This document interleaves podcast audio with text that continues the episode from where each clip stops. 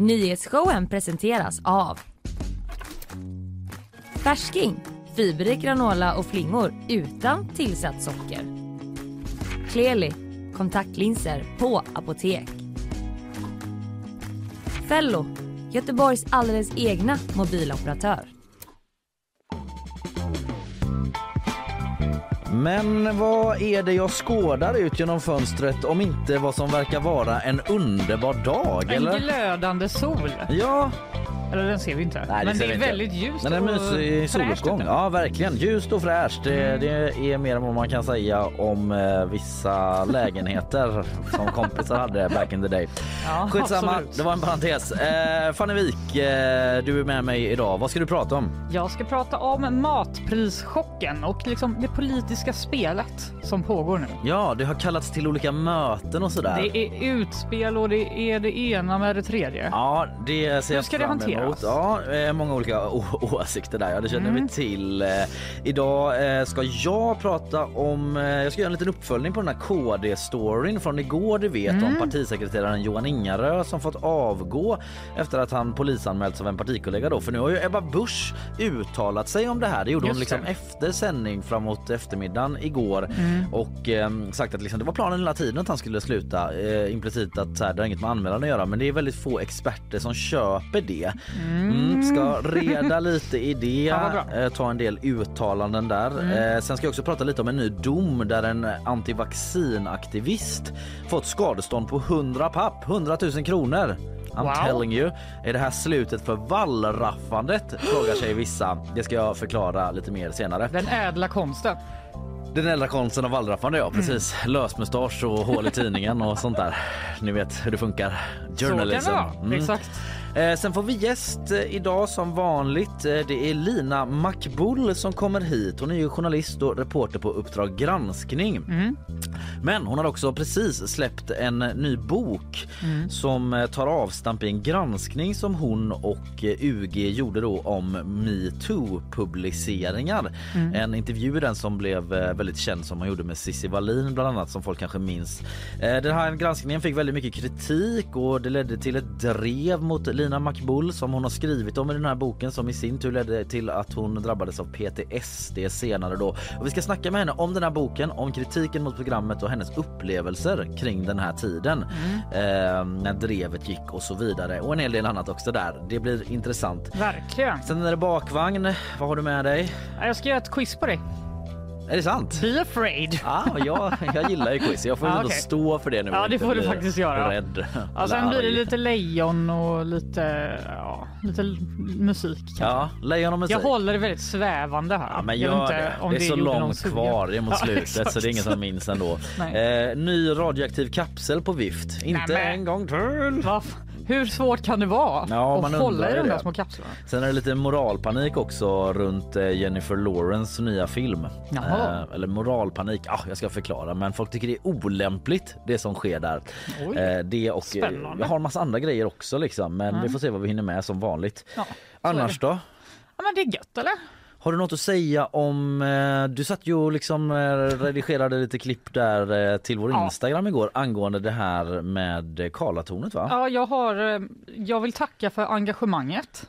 Ja för det har varit ett Det- sådant. Vi har fått så mycket förslag. Ja. Jag förstår inte hur vi ska kunna utse en vinnare. Nej. För Eh. tävlingen som kommer upp idag, man ska ju rösta vad ska Karlatornet heta? Vi snackade ju om det Exakt. igår ju. Eh, Karl, vår producent, gick ju på gatan och hörde två tanter kalla den för blixtlåset. Mm. För de tyckte det såg ut så bara. Och då var det gylfen och det var tjejkalaset och det var dragkedjan och kedjan och så Mm. har vi fått massa andra förslag då. Massa förslag. Vi får sålla lite bland eh, lyssnarnas eh, förslag och Vi, eh, våra egna. förbe- vi förbehåller oss rätten va? Ja, men vi måste det för Ja. eran skull om ni vill typ rösta sen för det kommer inte gå annars. Ja, och vissa var lite väl buskis liksom. Ja, och vissa var lite väl interna kanske, du vet, Ja. som de hade i sitt gäng eller vad det nu kan vara. Ja. Så det måste ändå vara någonting som, som vi ska ju döpa den här byggnaden nu Ja. för all framtid. Exakt, och vi vill göra ett urval där och sen kommer vi höra av oss med resultatet till eh, berörda personer då. Får Ja. se om vi når Ola Serneke. Ja, det ska vi eh, Det kommer det nog göra. Ja, på, på något, han kommer få informationen på något sätt. Ja det ska vi se till. Ja, vi se Eh, till. och jag får be om ursäkt för att jag kallade honom för Ove Ja, Serneke det var riktig härskarteknik. Ja det var inte menat som det, det var ett bara, ärligt mm, misstag. Sveriges rikaste man. Okej, Ove Serneke. Nej, jag sa fel bara. Jag tänker kanske på Ove Sernhede. Det är en annan man. Ah. Eh, kanske blandar ihop det. Jag Ja, vet inte. Det är okej. Du, eh, vi ska ge oss i kast med matpriserna. Vi tar eh, en liten sån här. Igår Ja. var jag då på Hemköp. Du var det? Det är min affär. Den ligger nära mig. Alltså du handlar fortfarande. Fint ska det vara. Andra Ja, problemet liksom. var då att jag gick förbi stirrade lystet på min favoritgrönsak paprika. Ja, Så god och krispig och fräsch. ja. 200 kronor kilot Nej. kostade det. Du get the fuck out. Alltså jag tittar inte ens på, jag, jo men jag tittar inte ens på paprika längre. Jag liksom det flera veckor sedan jag räknade bort den. Jag vill inte ens utsätta mig för att se vad det kostar. Jag tittar inte ens Nej jag tittar inte på en paprika. Visa mig inte en paprika! Nej, jag vet. Det här var i och för sig en ekologisk så det kanske var typ 150 spänn kilot då för en, en oekologisk, jag vet Ja, inte. Det blev giftig. inget köp. Nej det, Det, blev, inte inget det. köp. Nej. Det blev typ lite kol som jag köpte. jag bara, ja, det får bli kol. Men... Det är ju liksom inte en paprika. Det är svårt att typ slänga på lite så rödkål på sin macka Ja, innan man ska gå till jobbet. Fylld rödkål. Exakt. Men det är ju så att priset på grönsaker har ökat ovanligt mycket eh, och det kom nya siffror igår från SCB. Mm. Bland annat då är det purjolök och blomkål som är 80% dyrare nu än för i fjol. Bara det goda i livet Ja. som går upp. Det är ändå ganska mycket va? Ja. 80 procent. Nej, det är ju helt hiskeliga siffror. Ja, även priset på socker har ökat med 50 procent. Okej. Så, nu får vi inte ens äta det. Först tar de var- vår paprika, det sen var, tar de vårt socker. att det var billigt med sånt som var dåligt för en. Ja, inte ens det längre. Eh, men matpriserna har överlag ökat med 2,5 procent under februari jämfört med januari. Så Mm, väldigt kortsiktigt mm, eh, hög ökning och också med 22 procent på, på ett helt år. Ja. Så det är bråda tider och detta rör såklart upp känslor. Alla ska ju gå och handla. Vi måste äta. Det är vad det är. Mm. Igår så eh, rapporterade SVT Nyheter att ICA-handlare har fått hot på sociala medier. Eh, och nu går företaget ut och varnar för en ökad risk för angrepp mot personal och butiker. För att det, folk går in och bara Inte en till ostmacka med rödkål. fair enough.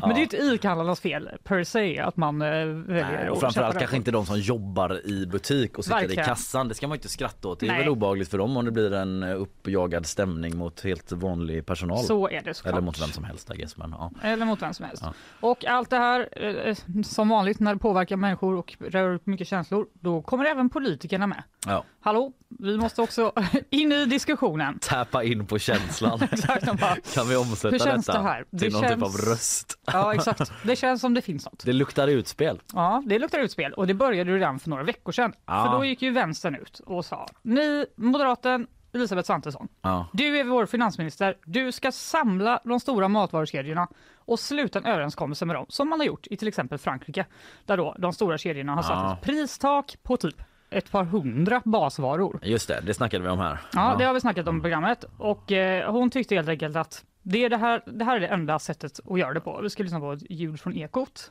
Vi kan inte bara titta på när eh, priserna ökar så här oerhört snabbt eh, på helt grundläggande varor vi behöver ha för att överleva. Det går inte. Eh, Ikväll kommer människor gå för att handla mjölk, kaffe, grönsaker och kött.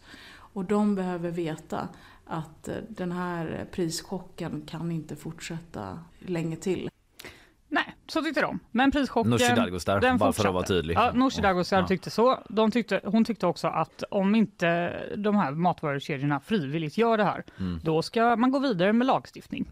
Ja, Det tyckte ju ingen annan faktiskt. det är så Eh, här, vänster, lagstifta mot storföretag. Exakt. Och alla andra bara, eh, va? Vad Ja, pratar du om? De gillar inte det. Många Nej, andra, nej. Elisabeth Svantesson höll absolut inte med till exempel. I Ekot sa hon så här. Att samtala med branscher, att samtala med företag, det är en bra idé och det gör jag. Eh, Men att sätta ett pristak och kanske reglera det i lag, det är en riktigt dålig idé som inte kommer att funka i Sverige, som inte har funkat på andra ställen. Ja, det var ord och inga visor. Mm. En riktigt dålig idé tyckte hon. Mm. Det lät också som hon läspade väldigt mycket. Men det var nog ljudets fel. Kanske, ingen aning. Oklart. Ja. Eh, hon fick också medhåll från både från typ alla andra partier och ledarskribenter och det ena med det tredje, ekonomer. Bland annat sa nationalekonomen Lars Jorung i Aktuellt att pristak på varor är ett politiskt jippo, teater för allmänheten. ja, och han menar väl liksom att, ja, se dig om i omvärlden. Vi har ett krig, vi har Ja, det ena med det tredje. Det är bara att acceptera detta och inte hålla på med någon politisk hokus pokus. ja. Men vad ska de göra då? Har Mm. Elisabeth Svantesson liksom Nej, men då visade förslag? det sig helt plötsligt att, alla var ju liksom överens om att det här var dåligt. Mm. Men sen visade det sig att Norge, där har inflationstakten nu minskat helt oväntat i februari. Och det beror på ett priskrig på livsmedel. Där har liksom prisökningarna minskat på mat efter att politikerna satt press på Mhm. matvarukedjorna. Det rör sig alltså inte om en lagstiftad, inget pristak så sett. Nej. Men att de har då kallat till sig dem och varit så här, nu får ni skärpa er. Sänk priserna. Sänk priserna och det har då uppenbarligen skett. Det där tycker jag är så svårt. Man skulle behöva djupdyka i bara det ännu mer. Alltså varför de går med på det. De här företagen eller så här att någon Ja. bara tar dem i örat bara sänk priserna, konkurrera lite mer. Bara okej. De bara, ja, det Ja. var ju en idé. Ja. Ja, det är lite otydligt exakt hur, vad de har sänkt priserna på Mm. och hur det har gått till. Men det har i alla fall hänt och efter det gick sossarna ut och krävde att regeringen ska kalla till sig livsmedelsjättarna då. Här i till en stenhård diskussion här i Sverige. Mm. Eh, och eh, Mikael Damberg menade då att eh, regeringen saknar krisinsikt och ville få svar på då en åtgärdsplan och de har också begärt en särskild debatt i riksdagen om matpriserna och hushållens ekonomi. Mm. Då är de så här, hur kan ni inte ens ha gjort det här redan? Är så dåliga Ja. Moderaterna. Alltså det finns ju också en plan som ligger och väntar. Du vet så här, kommer någon i sossarna, de har säkert haft ett brainstorming-möte om det. Ska vi också börja vifta med ett livsmedel Ja, som falukorven i valrörelsen med. Bush? Vi har ju läge nu, stå och vifta med en paprika. Den Ja. inte lika folkliga paprikan kanske, Nej. men samtidigt den väldigt symboliska i det här läget paprikan. Men än så länge har det inte viftats med mat på det Nej, sättet. det har viftats med ord och Ja. igår då så sa finansminister Elisabeth Svantesson att hon ska kalla till sig matjättarna eh, ICA, Axfood och Coop för att eh, ha då en eventuellt stenhård diskussion så som Mikael Damberg ville att det skulle vara. Ja. Eh, de, vi ska göra ett klipp från P4 Extra hon var igår och pratade om vad hon vill uppnå med det här mötet. Ja, men jag vill vara väldigt tydlig med eh, våra mat, matbjässar. Eh, att eh, ja, det här inte är acceptabelt om det är så, som en del misstänker ändå, att, att det sker höjningar som inte är nödvändiga helt enkelt. Har du anledning att tro att det faktiskt är så att priser höjs i onödan? Många har misstankar om det och det enkla skälet är ju att just det, de svenska matkassarna har blivit så mycket dyrare än, än matkassarna i till exempel de nordiska länderna, våra grannländer.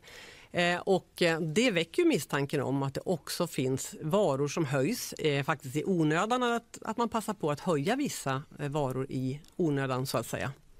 Ja, Ja, misstankar finns vissa alltså. säger att det finns misstankar om Ja. att de kanske höjer priserna i onödan. Det vill inte hon. Det är Nej. inte okej. Nej.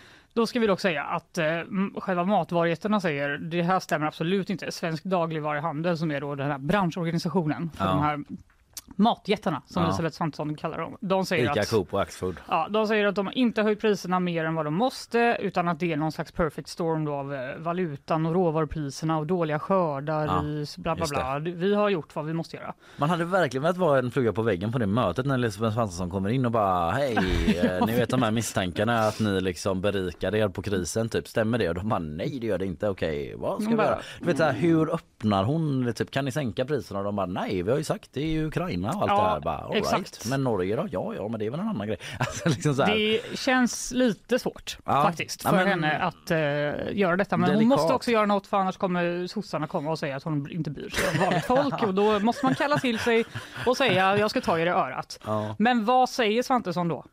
Blir Ja. det något pristak på mat? Nej, det tror jag nog att Vänsterpartiet är rätt så ensam om att kräva och tänka sig. Eh, Det är ett rätt populistiskt förslag som inte skulle funka. Det kommer inte funka. Nej. Some things never change.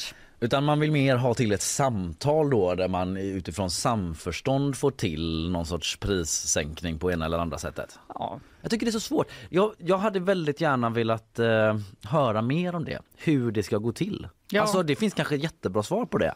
Men vad är moroten för de här stora bolagen att plötsligt sänka priserna? När de själva dessutom har argumenterat för att de gör det av nödvändighet. ja, de kan ju inte gärna nu bara säga ja, ni har rätt. Vi sänker alla priserna Nej. eftersom de menar att de har sänkt priserna så mycket som de kan och att det, det liksom har fastnat där. Menar du att folk eh, inte köper paprika nu när det kostar 200 kronor kilot? Och det är väl också det som blir eh, facit antar jag. Ja.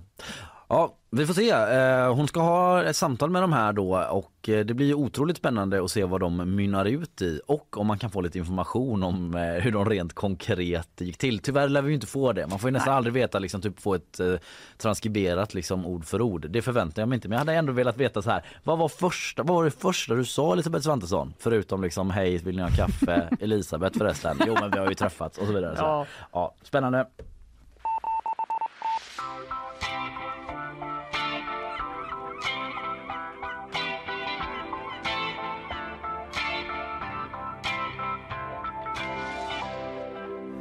Snart blir det nyhetssvep med Isabella. Sen eh, har Ebba Busch uttalat sig om eh, hela situationen med den eh, avgådda, sparkade kanske lite hårt att säga, men Johan Ingarö, partisekreteraren. Det blir ju ny utveckling där under eftermiddagen. Eftermiddagen. Så jag ska följa upp det lite grann. Analytiker är väldigt skeptiska till Ebba Buschs argument eh, kan man säga. Men innan vi ger oss kast med det så tar vi lite sponsormeddelanden. Nyhetsshowen presenteras av Färsking, fiberrik granola och flingor utan tillsatt socker. Kleli, kontaktlinser på apotek. Fello, Göteborgs alldeles egna mobiloperatör.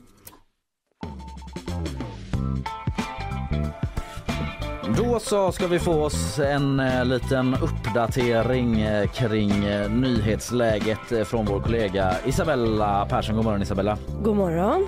Eh, vi gör väl så helt enkelt att eh, jag släpper över helt sonika så får du berätta vad du eh, har på eh, agendan idag. Tack för det. En kraftig explosion har i natt inträffat vid ett radhus i Hässelby i Stockholm. Flera personer larmade om en hög smäll och när polisen kom till platsen kunde man konstatera stora skador på flera av bostäderna i radhuslängan. Och det finns till och med risk för delar av byggnaden att rasa. Flera personer befann sig hemma i det radhus när explosionen skedde och en person har fått föras med ambulanshelikopter till sjukhus.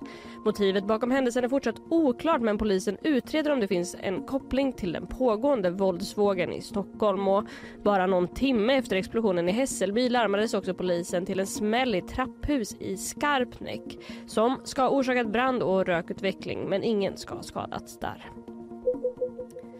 Det var fel av polisen att ställa in Paludans koranbränning i Norrköping förra året. Detta har kammarrätten nu konstaterat. Det var i samband med påskupploppen i fjol som polisen beslutade att ställa in demonstrationen. Men kammarrätten konstaterar nu att det i ordningslagen inte finns några bestämmelser som ger polisen möjlighet att ställa in sammankomster som har eller kan orsaka ordningsstörningar. Däremot har de rätt att upplösa dem om det skulle bli aktuellt. Tjänstepensionsbolaget Alecta har kopplat in jurister efter att flera banker i USA tagits över av myndigheter. Anledningen är att man nu ska försöka rädda så mycket som möjligt av pensionsspararnas pengar som Alecta investerat i bankerna. Enligt Ekot handlar det om 12 miljarder investeringar som har gått upp i rök och jurister är alltså på plats i USA nu för att rädda det som räddas kan. Och vi fortsätter på temat krisande banker för den schweiziska storbanken Credit Suisse kommer låna upp till 50 miljarder schweizerfranc av landets centralbank vilket motsvarar ungefär 560 miljarder kronor.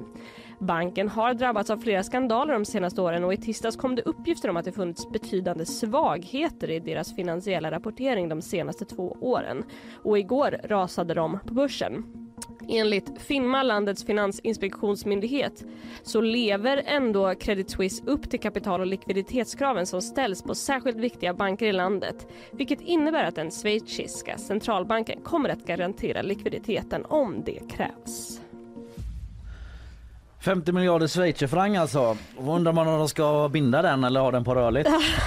det är lånet och betala tillbaka det. de ska förhandla Aj, aj, aj. räntan där. Vad har vi för rabatter egentligen och kan få Ja, där? herregud. Ja du, den eh, pågår alltjämt den här bankkrisen här och var i världen. Eh, Vi får ju anledning eh, helt säkert att återkomma till det. Antingen med gäst eller nya fördjupningar. Ja, Verkligen. gå gärna in på GP och läs mer om det här. Det finns mer, lite mer information om de här kopplingarna och så. Man tror till exempel inte att eh, den här amerikanska effekten som eh, har varit att eh, folk har lämnat bankerna. Nej.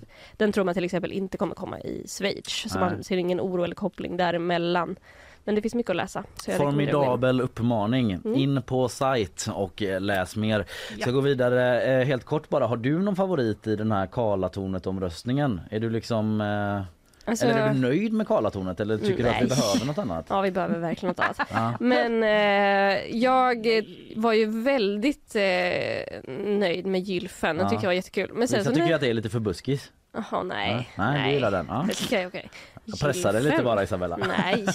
Men eh, sen så när Christian var här igår och berättade om den här dubbelbetydelsen i blixtlåset. Så här var det ändå något också. Ja det har du verkligen Mm. rätt i. Där argumenterade han starkt. Mm. Eh, vi går vidare, vi släpper det så länge. Vi följer eh, den här omröstningen sen på Instagram senare under dagen. Där kommer den upp då. Isabella du är tillbaka lite senare med fler uppdateringar. Tack så Yes. länge.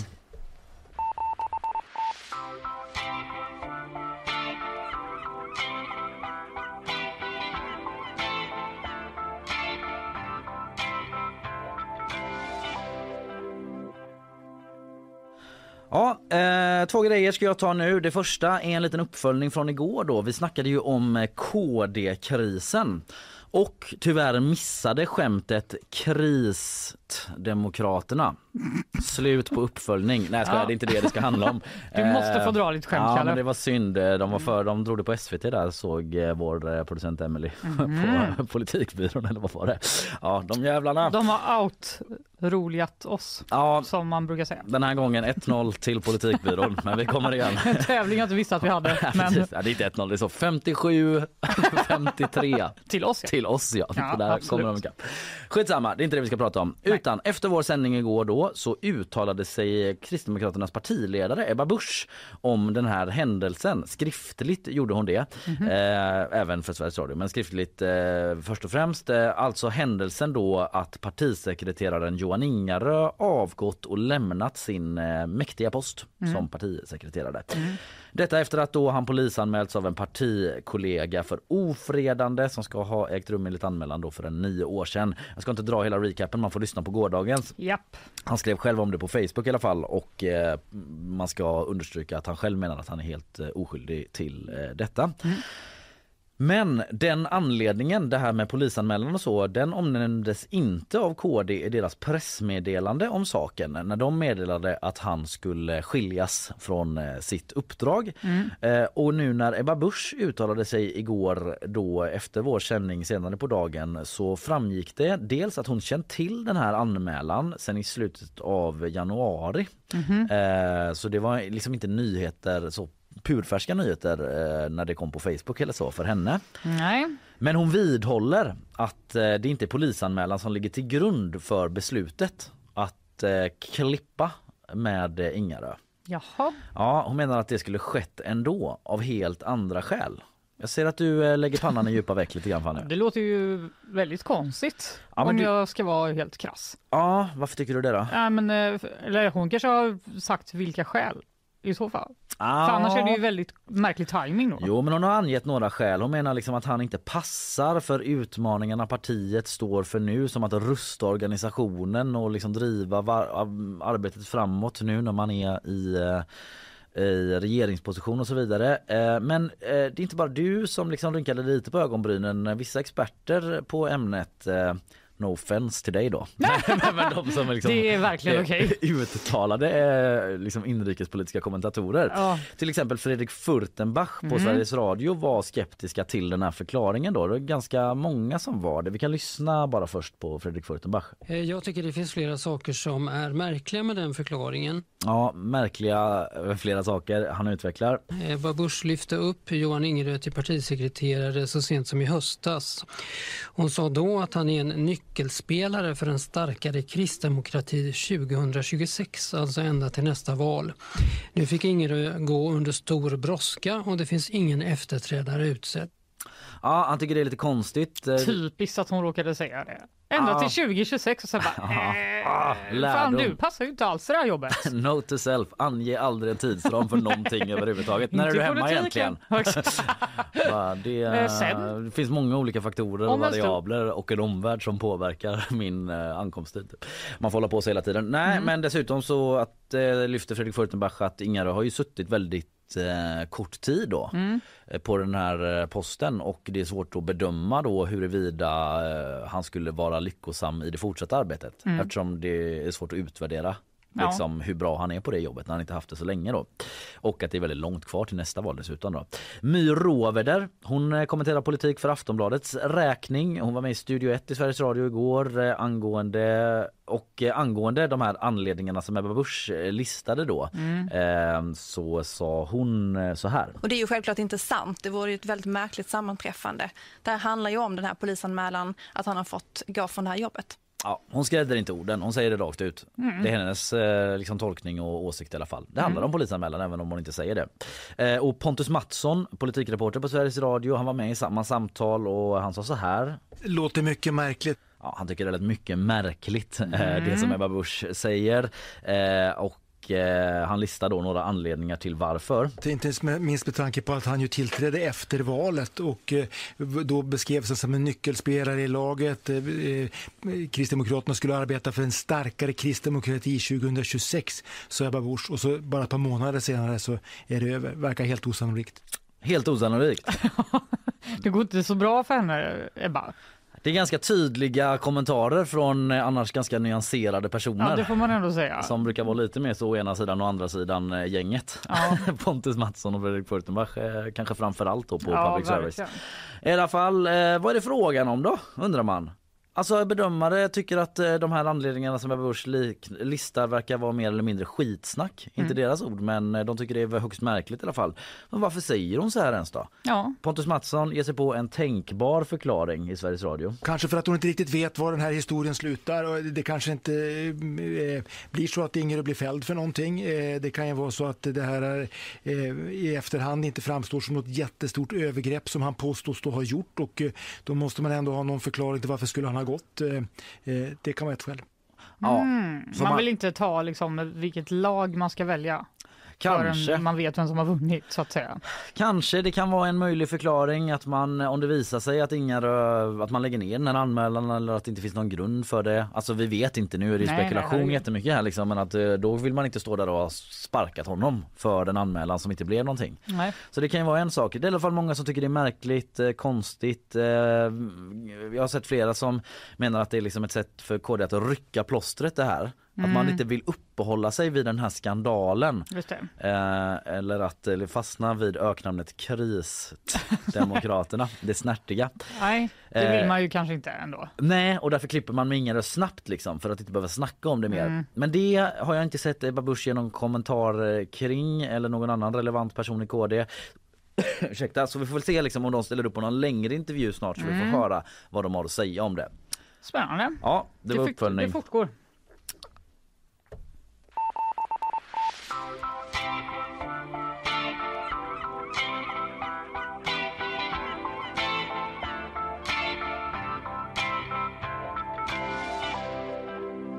Du, jag ska ta en kort grej till Fanny innan vi släpper in eh, dagens gäster. Ja. Lina Makbull då som har skrivit den här boken. Eh, jag ska berätta mer om den sen innan hon Mm. kommer självklart. Men eh, en grej som jag studsade till på igår som jag tyckte var intressant och det tyckte många på Twitter också. Där det ju Mhm. diskuteras nyheter för fullt.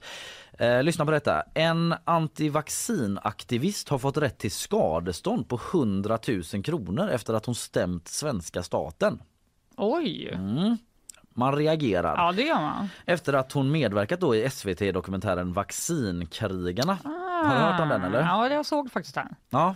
Det var att de var lite så, dolda kameran infiltrerade dem. Ja precis för att inte dolda kameran att det var så här Just det, att de bara surprise! precis, det här är bara en lösnäsa. Just det. Eh, utan en eh, Wallraff-grej Ja. då. Mm. Efter Günther Wallraff, det känner vi till vi som är journalister då, och säkert många andra. Eh, när man eh, tar sig an en falsk identitet, eh, kanske kliver in med eh, dold kamera och så vidare för att avslöja någonting. Kan denna domen vara slutet på wallraffande i svensk tv?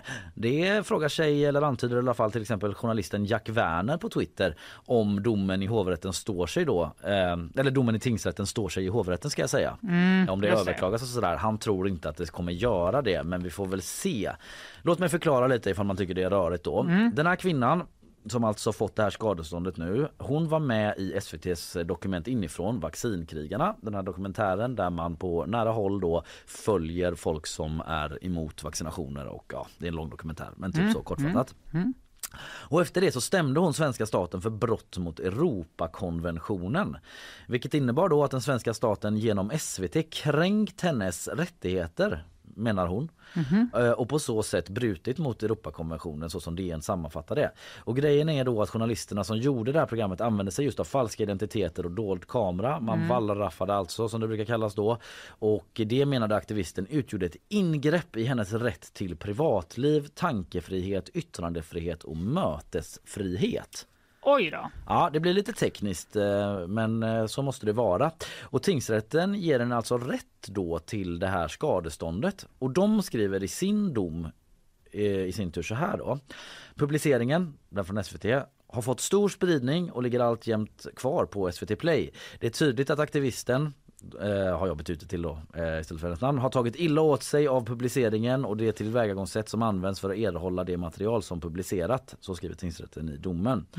Och domstolen noterar också, som det heter, att det i Sverige saknas en mekanism där rätten till privatliv kan vägas mot journalisternas yttrandefrihet och mediernas befintliga självregleringssystem i det här avseendet är otillräckligt. Ja, det blir tekniskt, men det handlar liksom om att tingsrätten menar att det medieetiska system som finns där man liksom rättfärdigar typ eh, wallraffande och att göra de här integritetsintrången som det ju ändå är typ att lura någon. Ja, att man absolut. inte med falsk identitet och sådär. Att det liksom inte eh, räcker till då i det här fallet. Och eh, man ger den alltså rätt till skadestånd då med hänvisning till eh, den här eh, Europa, brott mot Europakonventionen. Jag tycker bara det är, väldigt, det är en ganska intressant grej och DN som har rapporterat om detta har skrivit att Martin Mörk då som har företrätt staten i det här målet, eh, byråchef hos justitiekanslern igen. Eh, de har inte beslutat om de kommer överklaga tingsrättens dom till hovrätten. Han hade ett ganska långt citat men jag kommer inte ens ta det för Nej. det var så himla tekniskt men eh, de håller ju inte med. Eh, de har gått på en annan linje liksom än tingsrätten och sådär. De får se om de ska överklaga. Det blir en intressant principiell fråga uppenbarligen då ifall journalister inte vågar göra wallraffande reportage. Ja men exakt, framöver. om domen skulle stå sig och hon Mm. fick då 100 papp i skadestånd eh, då ställer ju det verkligen frågor längre fram då om hur man ska eller om man överhuvudtaget ska göra sådana här wallraffande dold kamerajobb i media. Så det blir en intressant grej att följa Mm. Ja, om verkligen. överklagan kommer eller inte och vad det kommer hända. Jag hoppas att det intresserade fler än bara journalister där ute men det borde det göra. Jo, det tror tycker jag.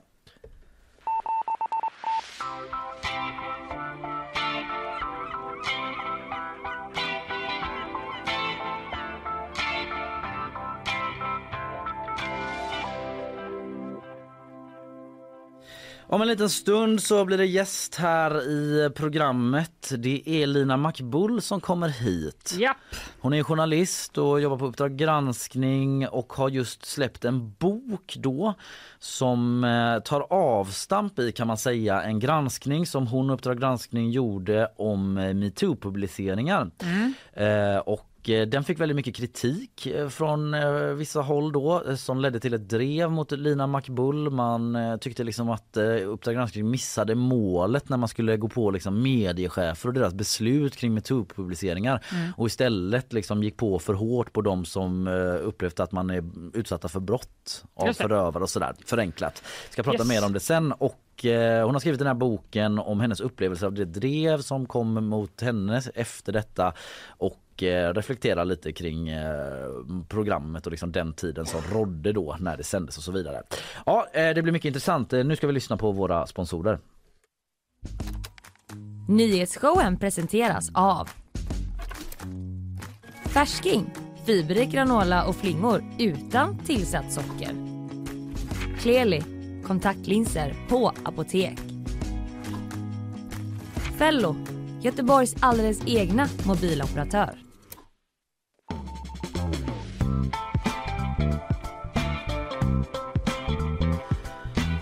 Dagens gäst är på ingång Lina Makbull som har skrivit eh, boken Revolutionens första offer, en berättelse om en granskning. Hennes egen granskning av metoo-publiceringar som väckte stor uppmärksamhet när den kom ut eh, för fem år sedan är det faktiskt nu. Ja, Eh, Mycket har hänt sedan dess både för Lina och i debatten.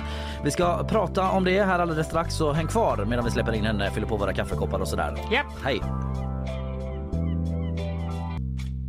Nyhetsshowen live från GP-huset är du lyssnar på 16 mars. Solen stiger upp över Göteborg. Fanny Wijk är med mig. Ja. Kalle Berg heter jag. Nu har vi fått hit eh, dagens eh, gäst. Eh, Jag ska ta en, en liten inledning här så att alla hänger med innan jag presenterar henne. Våren 2018 så sände Uppdrag granskning ett uppmärksammat program där man skulle granska mediernas metoo-publiceringar och då bland annat de anonyma vittnesmålen som i många fall låg till grund för de här publiceringarna.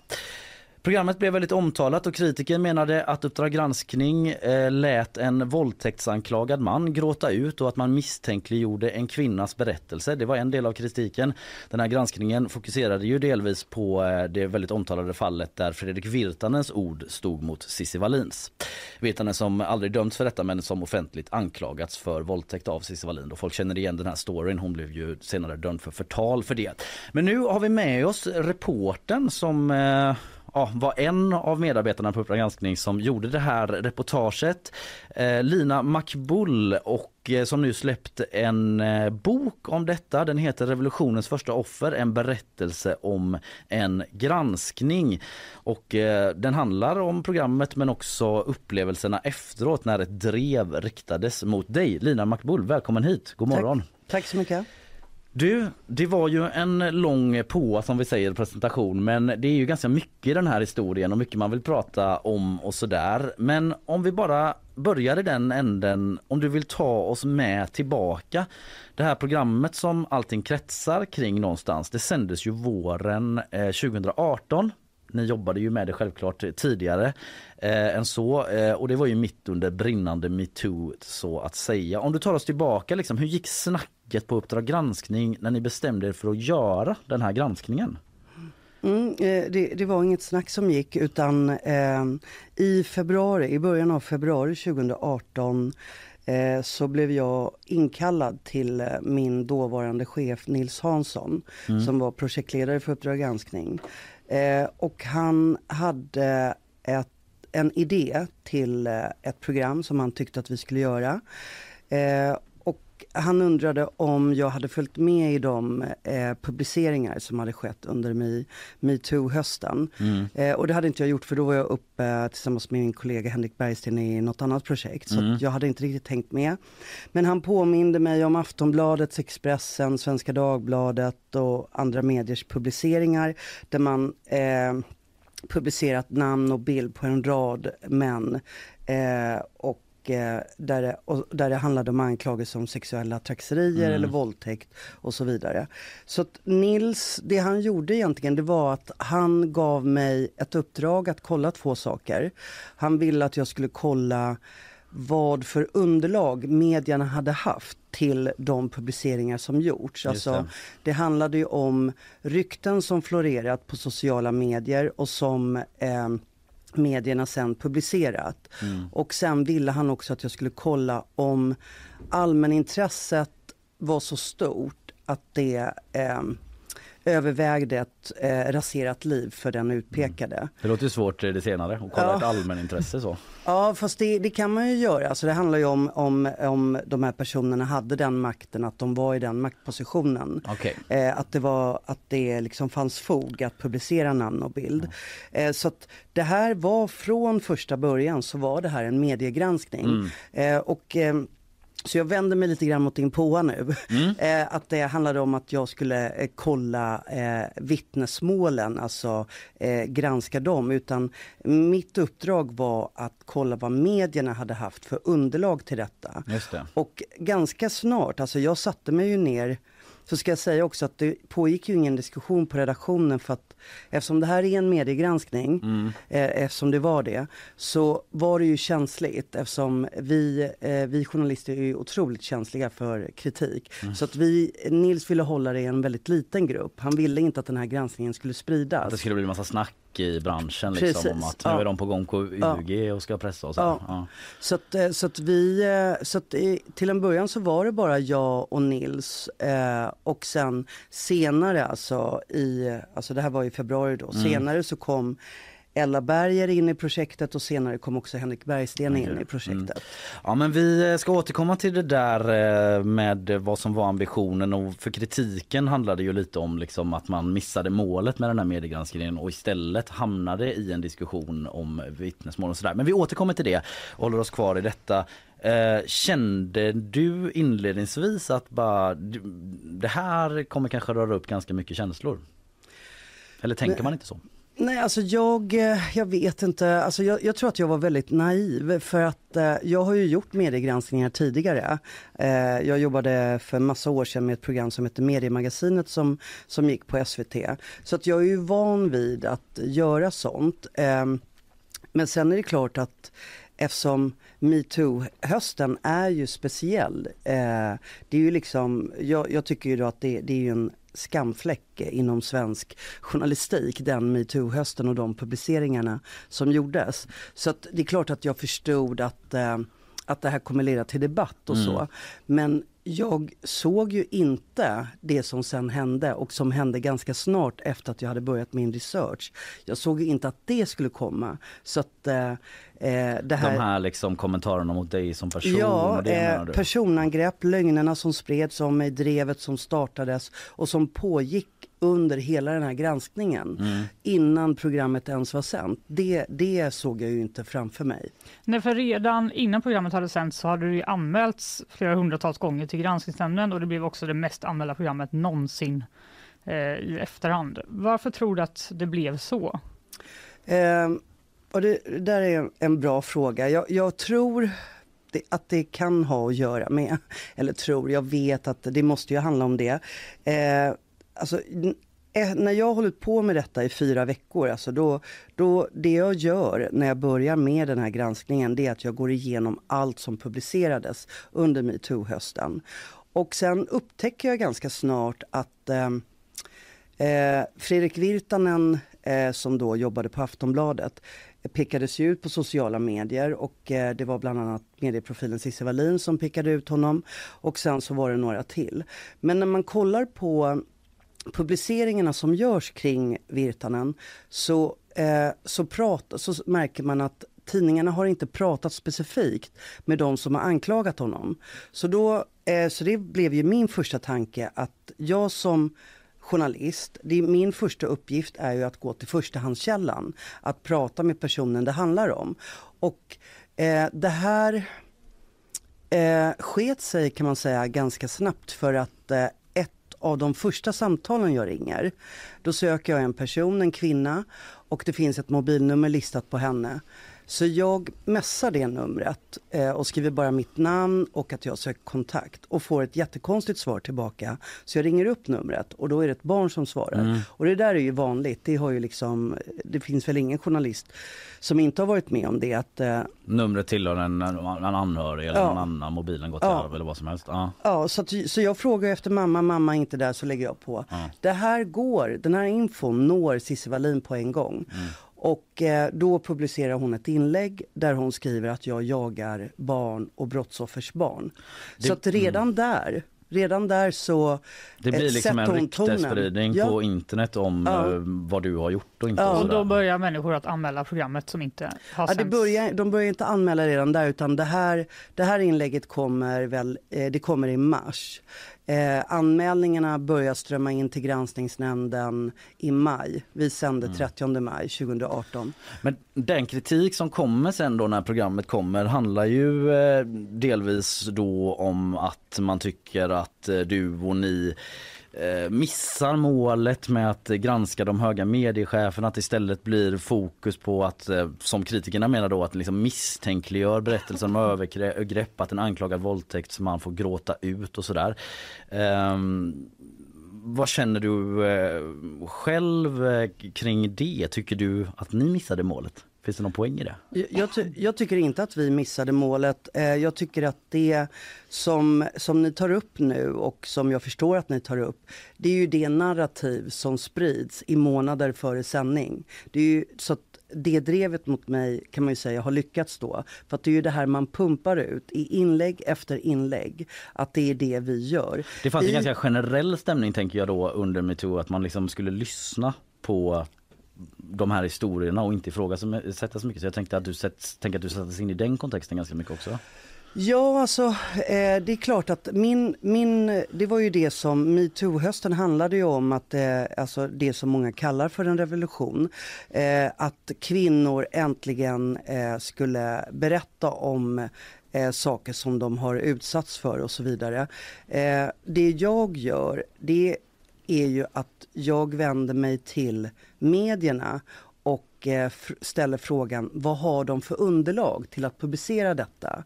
För att det man ser eh, när man tittar på det här programmet det är ju att medierna som publicerade namn och bild på Fredrik Virtanen, de två gransk- eh, publiceringar som vi gick igenom var ju Svenska Dagbladets och Expressens. Och de fälldes ju senare också i Pressens opinionsnämnd. Och vi kan ju upprepa att Fredrik Virtanen inte är dömd för någonting. Nej, han- han- han- extra tydligt. Mm. Precis. Han, han är inte dömd, han var inte misstänkt då. Det finns en nedlagd förundersökning.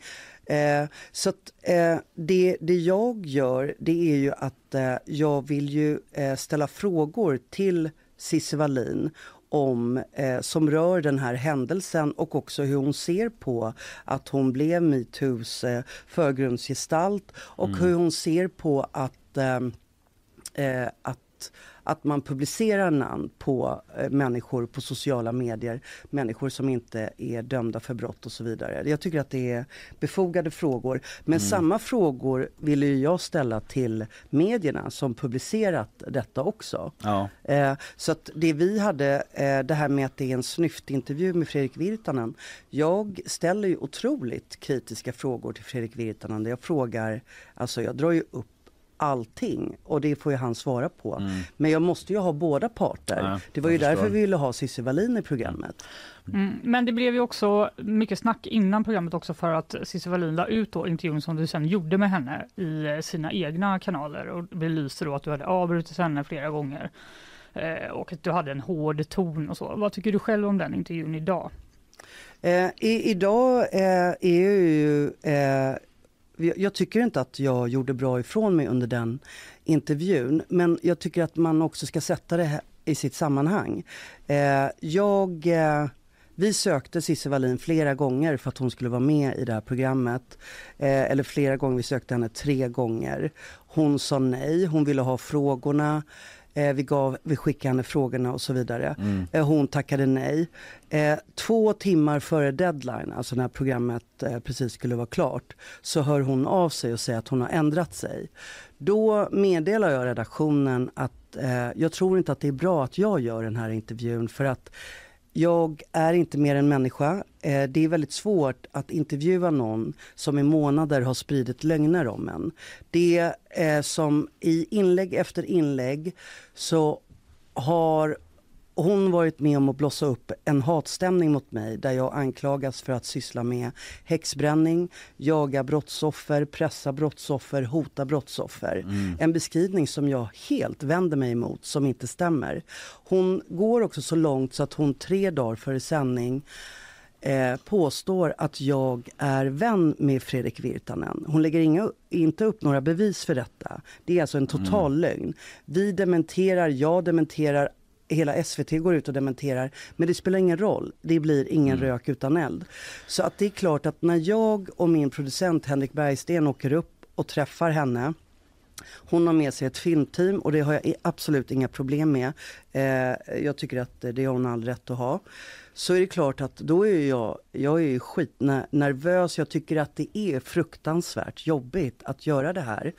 Eh, och, eh, och där har jag bestämt mig för att den här intervjun ska handla om henne. Och hon är inte där som en representant för hela metoo-rörelsen. Så att det som händer är att när hon vill prata allmänt om detta så avbryter jag henne och vill hela tiden gå tillbaka till Mm. eh, hennes eget fall. Eh, det som händer då är att, eh, och det är klart att eh, eh, jag tror att det hade varit tjänat verkligen eh, liksom Kunde ni väntat med publiceringen? Det verkar som det blev väldigt stressigt men kunde ni väntat med publiceringen och tagit mer tid på er liksom? Och... Eh, nej, hur menar du då? Eh, jag menar, vi, vi utgick ju från att eh, Cissi Wallin, som hon tackat nej tre gånger, Mm. så hade vi ju ett färdigt program och Ja, där just vi det. hade in, eftersom hon hade varit intervjuad överallt eh, under hela metoo-hösten och så, så hade vi ju massa arkiv med henne Mm. som vi hade lagt in i programmet för att få med hennes Mm. version. Och den spikade vi också in i programmet. Så att, eh, och det är klart att vi kan ju inte säga nej om hon ändrar sig. Nej. Då måste vi ju träffa henne, det är klart. Ja. Det är ju självklart liksom. Ja. Ja, det var... Vi kan ju säga det att eh, Cissi Wallin, liksom, vi, vi, du intervjuade också i GP och det ligger en artikel om detta på våran sajt och sådär och där har vi hört av oss till Cissi Wallin och hon har ju sagt i, i korthet liksom att eh, hon eh, Ja, hon tycker att eh, det inte var ett bra jobb som Uppdrag granskning gjorde men att hon själv har lämnat det här bakom sig nu och vill gå vidare och så vidare. Så jag sammanfattar det ganska kort där men eh, hon är ju inte här nu och kan ge sin bild eh, av detta kan man ju konstatera. Men eh, om vi tar oss lite vidare där då. det som sker i alla fall efter att Cissi Wallin lägger upp den här intervjun. Det kommer väldigt många reaktioner. Det startar eh, ett drev då mot dig personligen i sociala medier. Hur upplever du det inledningsvis rent eh, känslomässigt när du kallas för liksom väldigt elaka saker?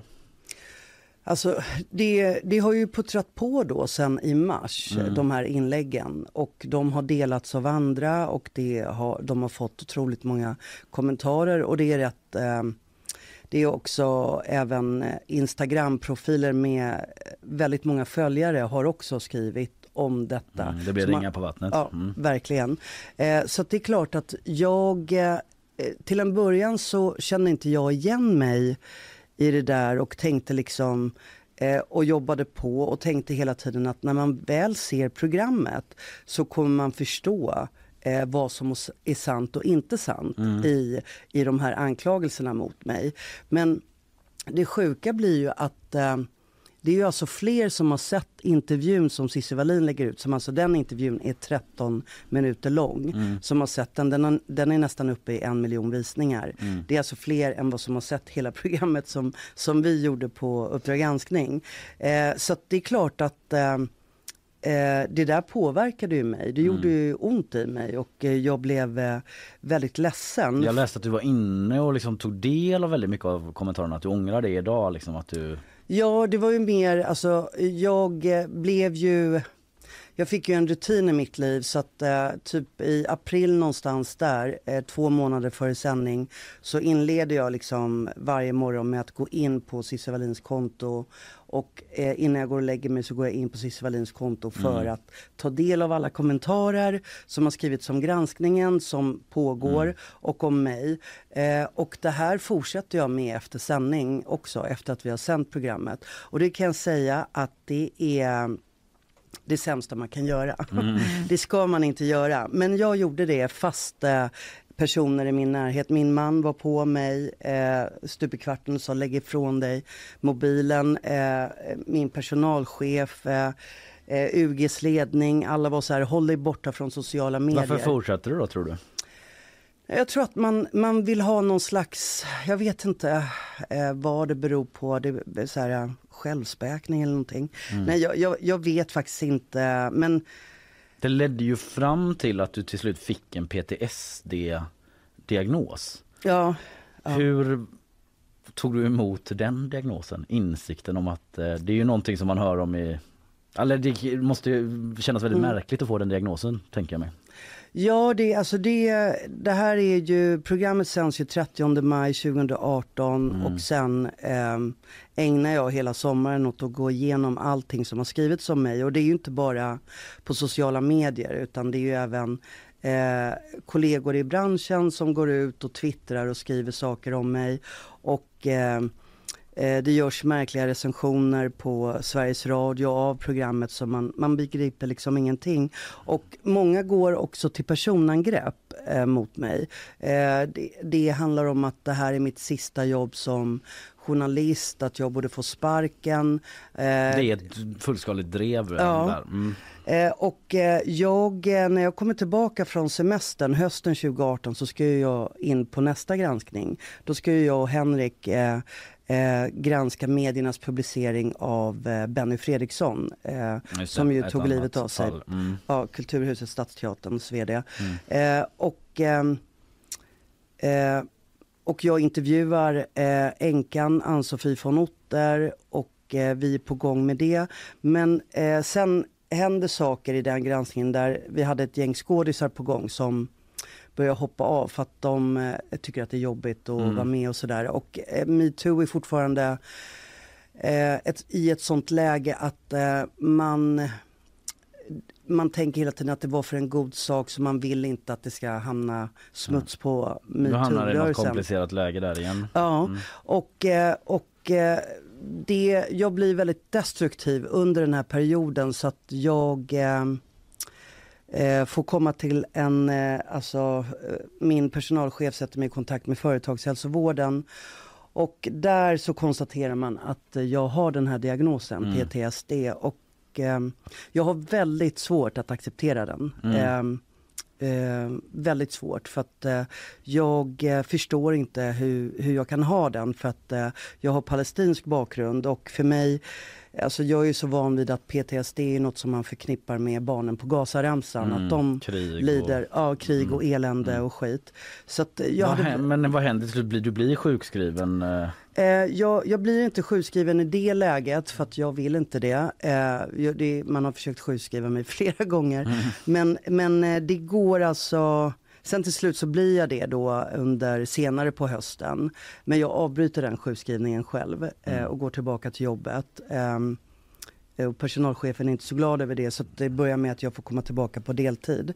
Men sen går det faktiskt så långt så att eh, jag eh, ignorerar den här diagnosen. Alltså Mm. jag, jag kan inte ta den på allvar. Eh, men sen två år senare, då kommer det till mig igen. Eh, så att eh, där blir jag långtidssjukskriven. Mm.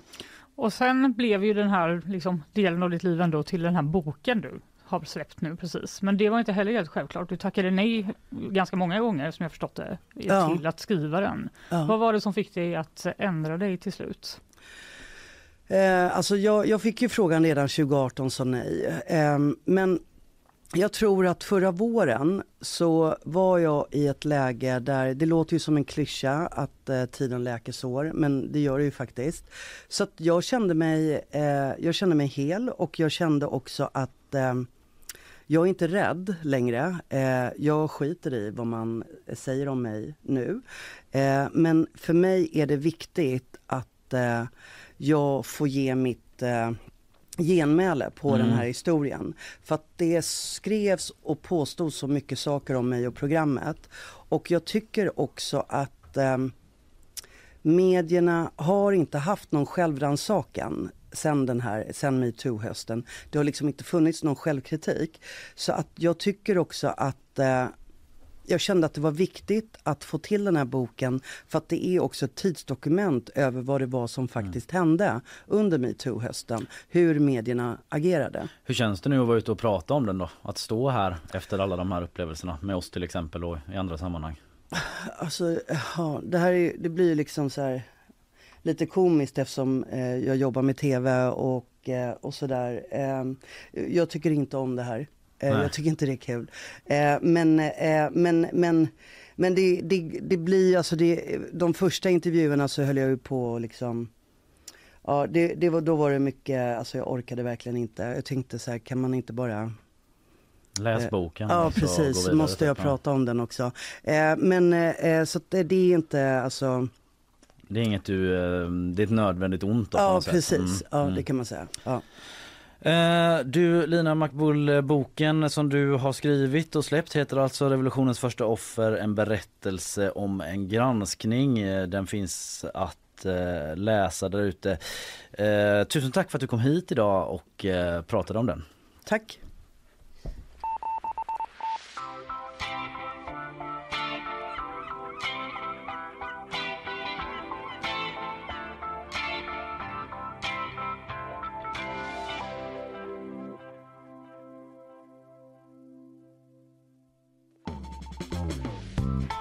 Ja, vi släpper ut eh, Lina Makbul efter vår intervju med henne här. Eh, det är ju tvära kast i programmet som vanligt. Vi ska ta oss vidare in i nyhetsflödet eh, från dygnet som gått. Innan vi gör det så tar vi ett litet lyss till våra sponsorer. Nyhetsshowen presenteras av Färsking, fiberrik granola och flingor utan tillsatt socker. Kleli, kontaktlinser på apotek. Fello, Göteborgs alldeles egna mobiloperatör.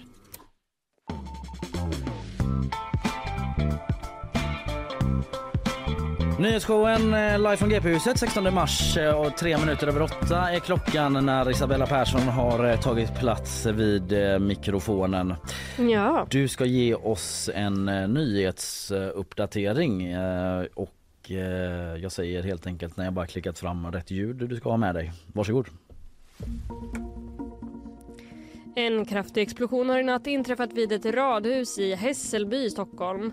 Flera personer larmade om en hög smäll och när polisen kom till platsen kunde man konstatera att det fanns stora skador på flera av bostäderna i radhuslängan. Och det finns till och med risk för att delar av byggnaden kan rasa. Flera personer befann sig i huset i det radhus när explosionen skedde och en person har fått föras med ambulanshelikopter till sjukhus. Motivet bakom händelsen är fortsatt oklar. thank you Det var fel av polisen att ställa in Paludans koranbränning i Norrköping förra året. Eh, detta har kammarrätten konstaterat. Det var i samband med påskupploppen i fjol som polisen beslutade att ställa in demonstrationen och kammarrätten skriver nu i ett pressmeddelande att det i ordningslagen inte finns några bestämmelser som ger polisen möjlighet att ställa in sammankomster som har eller kan orsaka ordningsstörningar. Däremot har de rätt att upplösa dem om det skulle bli aktuellt. Den ryska offensiven i Ukraina verkar ha minskat de senaste dagarna. Detta rapporterar Omni som hänvisar till nya uppdateringar från tankesmedjan ISW. Uppgifterna kommer från den ukrainska militären som uppger att markattackerna minskat. Och detta stämmer också överens med observationer från fältet där ryssarna bara gjort marginella framsteg vid fronten i Luhansk. Anledningen tros vara brist på ammunition och soldater. Tjänstepensionsbolaget Alecta har kopplat in jurister efter att flera banker i USA tagits över av myndigheter. Anledningen är att man nu ska försöka rädda så mycket som möjligt av pensionsspararnas pengar som Alecta investerat i bankerna. Enligt Ekot handlar det om 12 miljarder kronor i investeringar som ska ha gått upp i rök. Och jurister är alltså nu på plats i USA för att rädda det som räddas kan. Tack för det Isabella. Tack så mycket. Vi ska ta oss vidare här. Det är ju eh, saknade borttappade kapslar av radioaktiv karaktär. Vad de håller på va? Ja, de är ute nu på vägarna igen. Eller oklart om det är vägarna men... Men var, det, Eh, var det inte någon sån nyhet eh, häromdagen också i Australien typ? Jo, för några veckor sedan var det i Australien men sen var det också någonting liknande i Libyen. Men det var lite en annan grej. Nu är det i Thailand i alla fall. Den här gången. Vi fokuserar på det istället. Det ska jag prata om. Eh, Fanny, du har också en hel del. eh, Jajamän. Mm. Vi går vidare. Tack eh, så länge Isabella. Tack.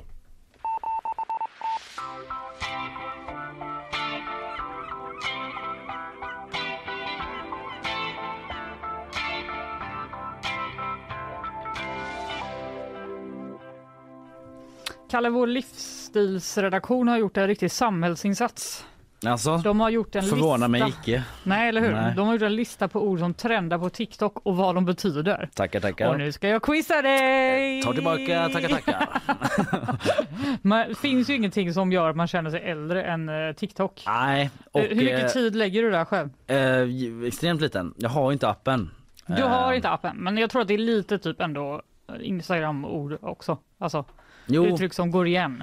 Jo, jag tror ändå jag, jag får mig till dels ändå en del TikTok-content så att säga via andra sociala medier och folk som skickar klipp. Så Ja, får just liksom Via webbläsare gå in och ta del eh, av det då. Ja, men nu kommer jag då utsätta dig för ett quiz på vad Mm. ord betyder. Där, Vilket kan bli vi- cringe, vilket jag också vet att Exakt. cringe är cringe.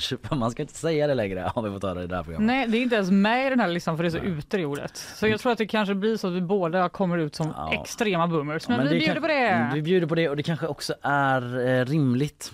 För det är väl nästan ännu pinsammare Ja, att tänka att man är 17 och prata som det. Jag accepterar min ålder. Men låt gå, spännande test då se ifall jag Ja. fattar någonting överhuvudtaget. Exakt, då börjar jag med ordet 20. Förlåt? C-H-E-U-G-Y. 20. 20. 20. Ja. Börjar bra. Okej, Vad kan det eh, quizmaster. Varsågod. 20, nej direkt jättesvårt. Eh, Ja. Det kanske är någonting med sugar och att man är typ, eh, jag gissar på att det är något att man är snygg då. Nej, det är en trend som är helt död och nu betraktas som pinsam. Ofta om något som var stort på 2010-talet. Vilket de på TikTok tycker är så jävla länge sedan. Ja då säger man att vadå den trenden är 20 typ. Ja, exakt. Om någon kommer med så ice bucket challenge. Ja, de bara- "Fan, var 20. Ursäkta? Okej, deep Det, var, det där var väldigt då. 20. Deep fried. Deep fried. Vad är det för något? Ja det är ju att någonting är friterat likt pommes frites och så. Men eh, vad det betyder på TikTok. Fan du får tyvärr svårt. inte rätt för det, för det här är en annan värld. Ja jag, jag och inser där det. betyder deep fried, det är en bild eller ett meme som har blivit förvrängt och dålig kvalitet. Ofta i hög kontrast och färgmättnad genom att sparas och delas på flera olika plattformar. Mhm. Eller genom att de har fått väldigt många filter. Okej. Då är den deep fried in filters. Ja jag förstår. Okej. Och, ja. Det känns inte som ett ord som jag kommer använda jättemycket. Nej, jag vet inte. Eh, Eh, Fast jag det- förstår att det blir relevant på TikTok för där är väl halva grejen att eh, saker går eh, många varv och, Och det är en sån metahumor. Ja, lager på lager på lager. Både visuellt men också hu humoristiskt. Wow, det är det äldsta du har sagt. Humoristiskt är verkligen ett ord som är liksom, bara, är det? Povel Ramel som sänder live Ja, Gubbhuset, eller? verkligen. Ja. Okej, nu ska vi få en förkortning. Ja. DSVDV. DSDVD. Fan, DSVDV. Alltså det, jag trodde ändå att jag skulle kunna lite. Jag har ingen aning. Jag kan inte ens gissa på den. Det är för många bokstäver. Det är på svenska. Säg det en gång till då. DSVDV. Det säger väl de va? Nej jag har ingen aning. Ja, ändå helt okej gissning. Det som vet, de vet. Ja, fair enough. Det var ändå ganska användbart. Ja. Eh, Men också typ att det tar längre tid att säga förkortningar men man skriver väl det då. Ja, man skriver det ja. Ja. Man, eh, nu får du en emoji. Mhm. Fiskespö-emoji. Vad betyder det? Mm, kanske att man eh, ja, men fiskar efter likes. Att det är Ja! bete liksom. Bait. Ja, kul! till Tack! Kalle! Ja, fan vad, Fan vad bra! Äntligen! Otroligt eh, bra. Ära kolon räddad. Ja, vad är en glow-up? Att man dyker upp och ser skitbra ut. men typ, vad fan ska man förklara det? Men typ så här, jävlar vilken glow-up typ eh, när man har varit och eh, klippt sig och Det, styrt upp sig själv. det här är också rätt. Ja. Det står så här i artikeln. Video där någon till exempel går från glåmig och otränad till snygg och fit. Ja, det är väl kan liksom märkas det med glow-up. jag hoppas att göra eh, inom ett år då. Ja. Så när vi sitter här med ett ses om ett år. Jämförelsebild. 16 mars 2024. 24. Kalles stora glow-up-dag. Vad sa du? Ja, precis. Ett år. Om ett år tiden. kommer jag inte se ut. Då är det glow-up time. Fy fan vad obehagligt. Okej, eh, I'm a glow-up. main character vibes. Main character Den här tycker jag- Det lät kommer jag- roligt instinktivt. Main character vibe. Vad är det det beskriver? Ja men typ, inte, att någon är typ en stark personlighet kanske. Ja, Kalle! En stark personlig utstrålning. Ja. Eller någon som går sin egen väg och ser ut att spela huvudrollen i sitt liv. Ja, där det är också jag... du om ett år. Ja, kanske. Fast det känner jag inte att jag vill. Jag tycker inte man behöver vara huvudkaraktär. Man kan också bara vara lite mer lågmäld i sin approach. i Det känns som en. TikTok-skada. Att alla ska vara liksom main characters. Ja, jag vet. Mm. Va, vad jobbigt. Vilken odräglig värld Ingen är main character I liv? jord, i jordelivet skulle jag säga. på den här planeten. Jag skulle säga det. Okej, jag ska nästan... eh, Jag ska snart låta det vara, men du Mm. får eh, två till. Ja. Riz. R-I-Z-Z. Att ha ri. R-I-Z-Z. Nej men ingen aning. Det är att man är charmig, flörtig och allmänt bra på att ragga. Jag är. Det här är en lista om dig. Är det en lista om ditt liv? Sluta liksom fånga hela min personlighet i olika mm, kontemporära förkortningar och liknande. Ja, alltså jag vet inte. Det är vissa grejer här som är riktigt konstiga. Men det är okej, du får en, eh, den sista här. Sista. Shampoo and conditioner. Det är så jävla kontextlös. Jag vet. Vadå, när säger man det? Det här är så jävla... Jag ska bara läsa. Jag ska Ja, läsa ja. den. Att säga I finished my shampoo and conditioner at the same time. Alltså att ens schampo och balsam tar slut samtidigt. Eller I had a pasta tonight. Används som kod när, något är väl, när någon är väldigt deprimerad eller suicidal. Jaha. Ja det är ju dumt att ha ett så mystiskt kodspråk till en sån allvarlig sak. Vem ska liksom... Ja, det är i och för sig bra att vi alla lär oss det här nu då. Ja verkligen. att, om du ser någonting som, som du tror är helt normalt, det vill säga att någon har slut på schampo, så Ja. kanske det verkligen inte är det. Nej det kan leda till väldigt många liv. Du var det andra någonting med pasta? Ja, I finish my pasta för det är ju- sk- sker ju mig varje dag. Att jag äter upp en portion med pasta. ja, men du kanske inte ska skriva det på internet så. Nej, tur att jag inte har TikTok. Ja, tur för Fruktansvärda alla tror jag. misstag hade kunnat begås. Ja.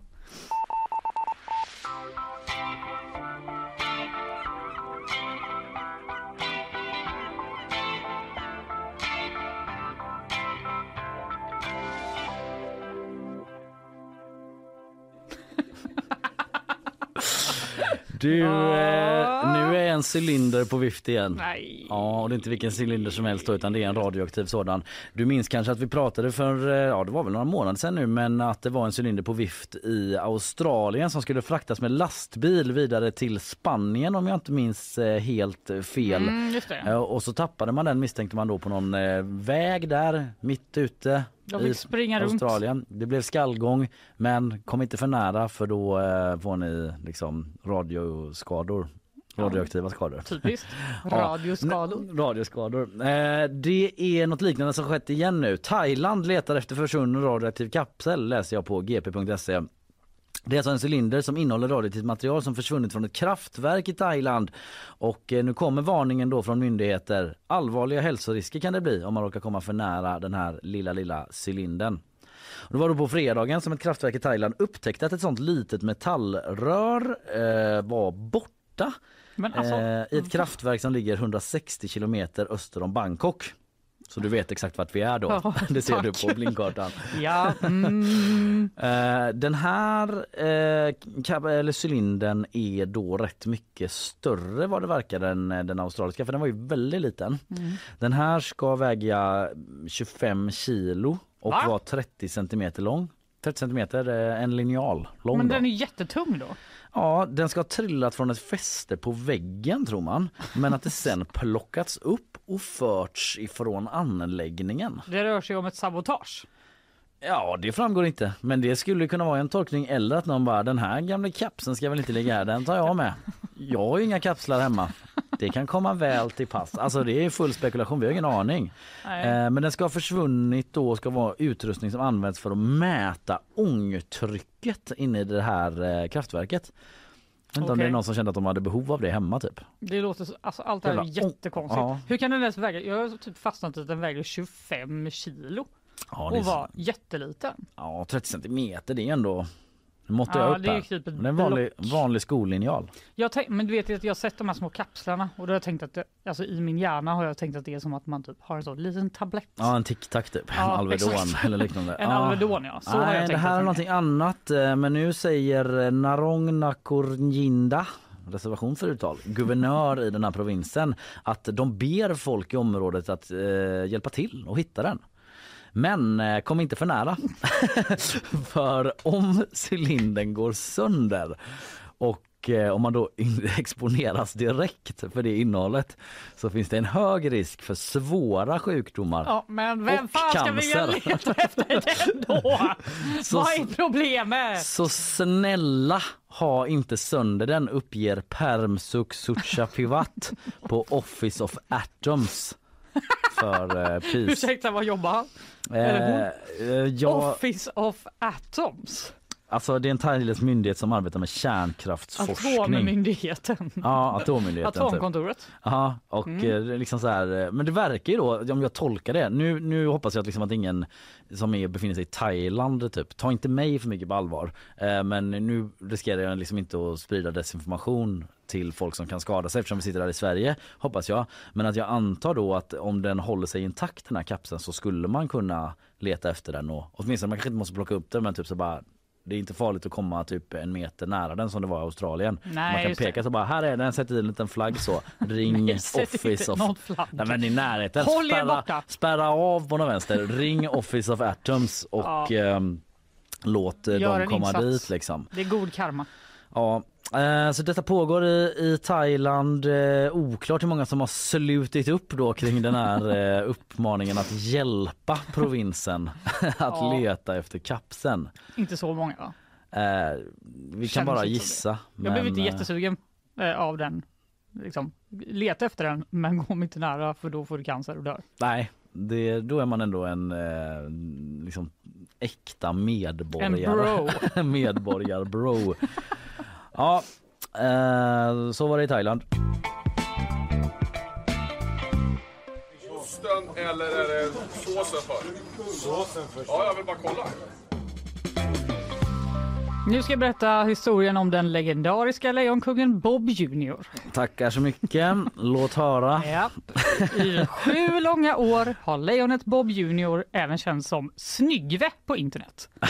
Regerat över sin lejonflock i nationalparken Serengeti i Tanzania. Jaha, men Snyggve måste ju vara ett eh, svenskt smeknamn givetvis. Ja, för sen står det så här på g.se. Med hjälp av sin bro- bror Tryggve Mhm, ska han Snyggve ha och Tryggve. skapat ett så pass fruktansvärt rykte bland sina lejonrivaler att han har eh, suttit stadigt på sin tron fram tills nu. Jaha. Snyggve och Tryggve har tydligen, inte, ett fruktansvärt rykte. Jag blir inte skiträdd för de namnen, men eh, absolut. Nej. En talesperson då för nationalparken meddelar nu att Bob Jr har dödats av sina rivaler. Nej. Och nu hyllas han dock. Över Av sina hela... rivaler. De bara, sorry bro. Nej. ett misstag. Över, över hela världen hyllas han som den mest fotogeniska och coolaste katten i Serengeti, rapporterar BBC. det är ändå lite fint. Samstämmiga De bara, uppgifter he was the coolest cat. gör gällande att han var den coolaste katten på Serengeti. Ja. Han bara, snart ska jag ja. bli mäktig. Han liksom hade den typen av swag. Men han är sjukt snygg alltså, vill du se? Ja, jättegärna vill jag säga. Ja, han ser otrolig ut. 10 av 10. Det där är liksom Vilket, vilket svall glow-up. Glow up Sen dag ett. på Tryggve och Snyggve va? Ja, men det där var Snyggve då antar jag som du visade. Ja, det var Ser inte Tryggve ut? Han har liksom vet, så här glasögon och ett sånt, en sån kofta som en farfar har. Att man känner sig som trygg gammal. Hallå! Glöm inte mig! Bryr jag är inte, också bryr här. inte om vad de säger Snyggve. Du vet att det är personligheten insidan som räknat. Tack ska du ha Tryggve. Jag tycker det är så jävla dåliga Du må se ut som en påse skridskor men trygg, det är du. Men vad var Brother det för man. fel på Bob Jr? Bob Junior. Jag tycker ändå det var bättre. Ah, ja, det hemska är i alla fall att både Bob Jr och hans bror då har dött. det är ju tråkigt. Eh, enligt tjänstepersoner för nationalparken så ska han, Bob Jr inte ha försökt kämpa emot när han attackerades och dödades. Jaha. De ville störta Han var Bob uppsatt, tittade sig i en spegel så. Jävla Han bara självupptagna tog en selfie och då bara kom de och dödade honom. Ja, det är ju sorgligt men det är väl också eh, naturens gång va? Ja, han var gammal och eh, kass och då tar någon annan över står det. Och eh, hans bror har också dött men det var en separat attack. En separat där. ja. Ja. Han har misstänkts ha dött i en separat attack. Det antas att hans bror gick samma öde till mötes men vi försöker bekräfta det säger de. Jag vet inte riktigt vad de menar med det. Men han är död i alla fall. Nu ska de ha en speciell begravning. Eh, och ceremoni för Bob Junior och eh, Bob Junior fick sitt namn efter sin far Bob Marley. Inom parentes, okej. inte artisten. Du kan ju räkna med att det är den begravningen, att det är öppen kista där. Ja. Så att alla får se Snyggve en sista gång. Jag tror faktiskt eh, att det kan bli så. Eller? Den största faran, och den, det är ju den som, det är de som tar min ensamhet ifrån mig. Det är det bristen på ensamhet som förtär mig. Det blir lite mer TikTok, eh, nationella provet. Eh, kommer du ihåg det? Ja. Det har du gjort. Ja, det har jag gjort. Ja. El, Fick lite ångest nu på det faktiskt. Men du fuskar inte? Nej, det kunde man ju inte. Nej, nu Helt eh, omöjligt. är det möjligt att man kanske kan det. Eller eh, i alla fall så är det så att delar av det nationella provet har spridits i sociala medier, närmare Mhm. bestämt på TikTok. Under torsdagen, alltså idag då, är det dags för nationella prov eh, i svenska för årskurs 6. Oj, oj, oj. Lycka till alla sexåringar tänkte jag säga.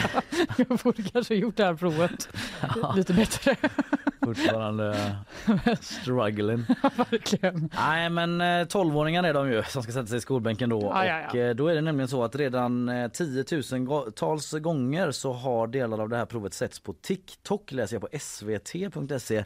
Det är bara att konstatera att någonstans, på, någonstans i hanteringen så har det brustit säger Anders Boman på Skolverket. Eh, SVT redovisar flera kommentarer på TikTok som är så här, hur vet alla redan? Eh, det är en kommentar, hur vet alla redan? De bara, ja, vi tittar ju på en bild på provet. Så Ja, precis. det, Varför skriver du den why. överflödiga kommentaren?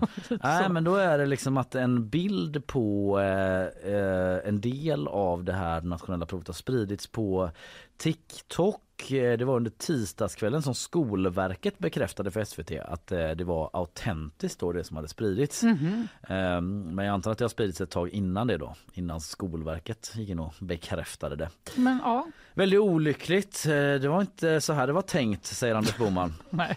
Nej, fattar man ju. det fattar man ju faktiskt. Det var tänkt att läraren delar ut uppgifter när provet ska börja.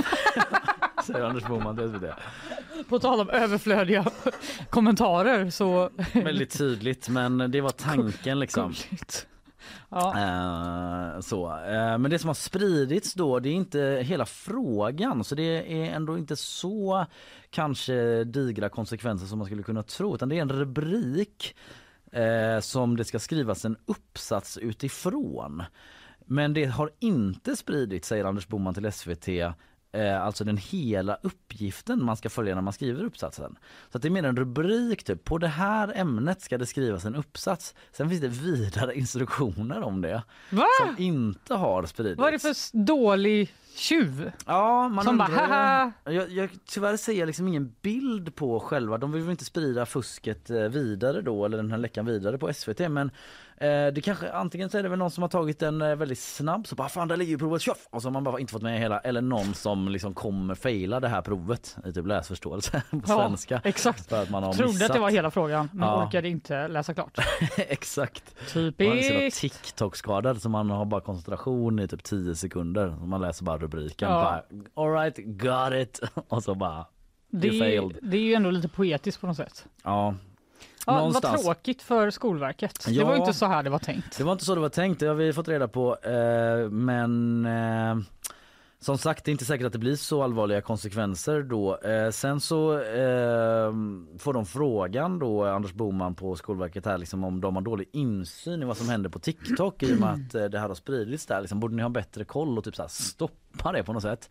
Mm. Eh, men då säger Anders Boman att det är väldigt svårt att bedriva någon sorts signalspaning på TikTok. Mm. Det är svårt att finnas överallt och se allt på TikTok. Och där eh, får man ju ändå hålla med Ja, jag håller verkligen med. Och, Det är eh, så här jag upplever TikTok. och även om det dyker upp där så antar jag att det tar ganska lång tid att typ Anders Boman eller någon kollega ska höra av sig till typ Kina ledningen för TikTok och bara hej kan ni ta bort det här innehållet eller flagga det som olämpligt och så vidare. Ja, Eh, att det är en svår process. det tar en stund. Så där kan man ändå känna viss förståelse. Kolla nu när han kommit upp sin tröja säkert också och försöker flexa sina muskler. Det här är den största röda flaggan ever. Du minns eh, ledmotivet till eh, tv-serien Vänner? Oh ja. Det är ändå en ikonisk eh, låt. Verkligen som man har sjungit med så uh, No one told you that was gonna be this way Alltså man inte kan texten Stop that be all raid Lite den satt man ju hemma vid femman. Det räcker verkligen med, med ljuden. Ja. Man behöver inte kunna texten. Man försökte liksom klappa med Just den. det.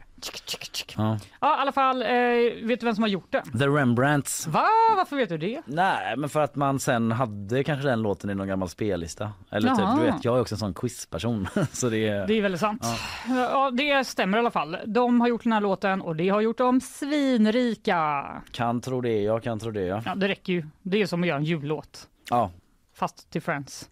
Men det de inte känner, de är lite ledsna nu säger Jaha. de. De har gjort en intervju här i The Guardian. Ska de gnälla nu? Ja, Danny Wild, det verkar vara en av två medlemmar. Han gick ut och berättade om att eh, låten har förstört något för dem. Deras coolhet. Alltså, Ja, han sa. de var folk- liksom den hetaste skiten i stan typ. Sen nio säsonger av Vänner senare. Alla bara! Håll käften, Rembrandt! Nerd. Ja, vad säger han då? Han säger så här, när folk insåg att det var vi som hade gjort eh, den, alltså låten, dödade det vår coolhet. Vi gick från att göra coola klubbspelningar till matinéshower där föräldrar tog med sina barn. Ja. Det är ju faktiskt inte rock'n'roll-drömmen direkt. Nej, det är väl som komiker som är med i Bäst i test. Och sen ska Exakt. de liksom skämta om att knulla och supa så sitter det bara en massa tioåringar Ja, i publiken med sina "Vänta lite föräldrar. nu." Bara, va? Men gör du, vad gör du här? När ska du trassla in dig i eh, serpentiner? Exakt. Låten blev en albatross runt halsen på oss alla, säger de. Förlåt? En albatross runt halsen på oss alla? Det är Mm. Är det den typen av uttryck som coola lingo de ägnade sig åt innan de blev töntstämplade? Exakt. Eh, jag har aldrig hört talas om uttrycket en albatross runt halsen, men det är säkert helt legit. Kanske vi som är töntarna. Det kanske är vi. De Mm. la i alla fall ner några år och eh, sen så säger han ändå att ja, eh, jag hade fått leva på gatan om det inte vore för att jag gjort den här låten. Nu spelar vi jubileumsshower för vänner eller uppträder på julfester hos företag. Man gör en låt, sen tar man pengarna. De har ändå inte valt att rebranda sig själva och släppa, liksom, typ så här, byt namn, gör ny musik som är ascool igen. Men jag det kan kanske inte de har försökt. Alltså, men... ja, nej, ja, det framgår inte ur artikeln, men jag fattar faktiskt inte vem som vill ha det här bandet på sin julfest nu. det hade inte varit så jävla Nej, men jag tror inte jättemånga vill det. Va? Som vill liksom minnas tillbaka och bara höra den låten. Typ så här, vi är så vänskaplig, kärvänlig stämning på kontoret. Ja. Eh, och så vill man ha det. Och sen är de bara så här, ja nu, ni behöver inte spela fler låtar grabbar. Det går, ni kan gå av nu. När de har kört den enda låten som de vill höra. De bara, Ja. vi har skrivit en, ett nytt album faktiskt. Nej, Nej, men tack. Det, det där är väl många One It Wonders som är med på det liksom. Eller med om det. Jag har svårt att känna sympati, de fick ju pengarna. Ja, fan jag ville spela en liten bit av den. Men det går inte för det är för mycket reklam på Youtube. Jag tror att alla hör det här i sitt huvud nu. Ja, så måste det vara. Är det du eller jag som låter?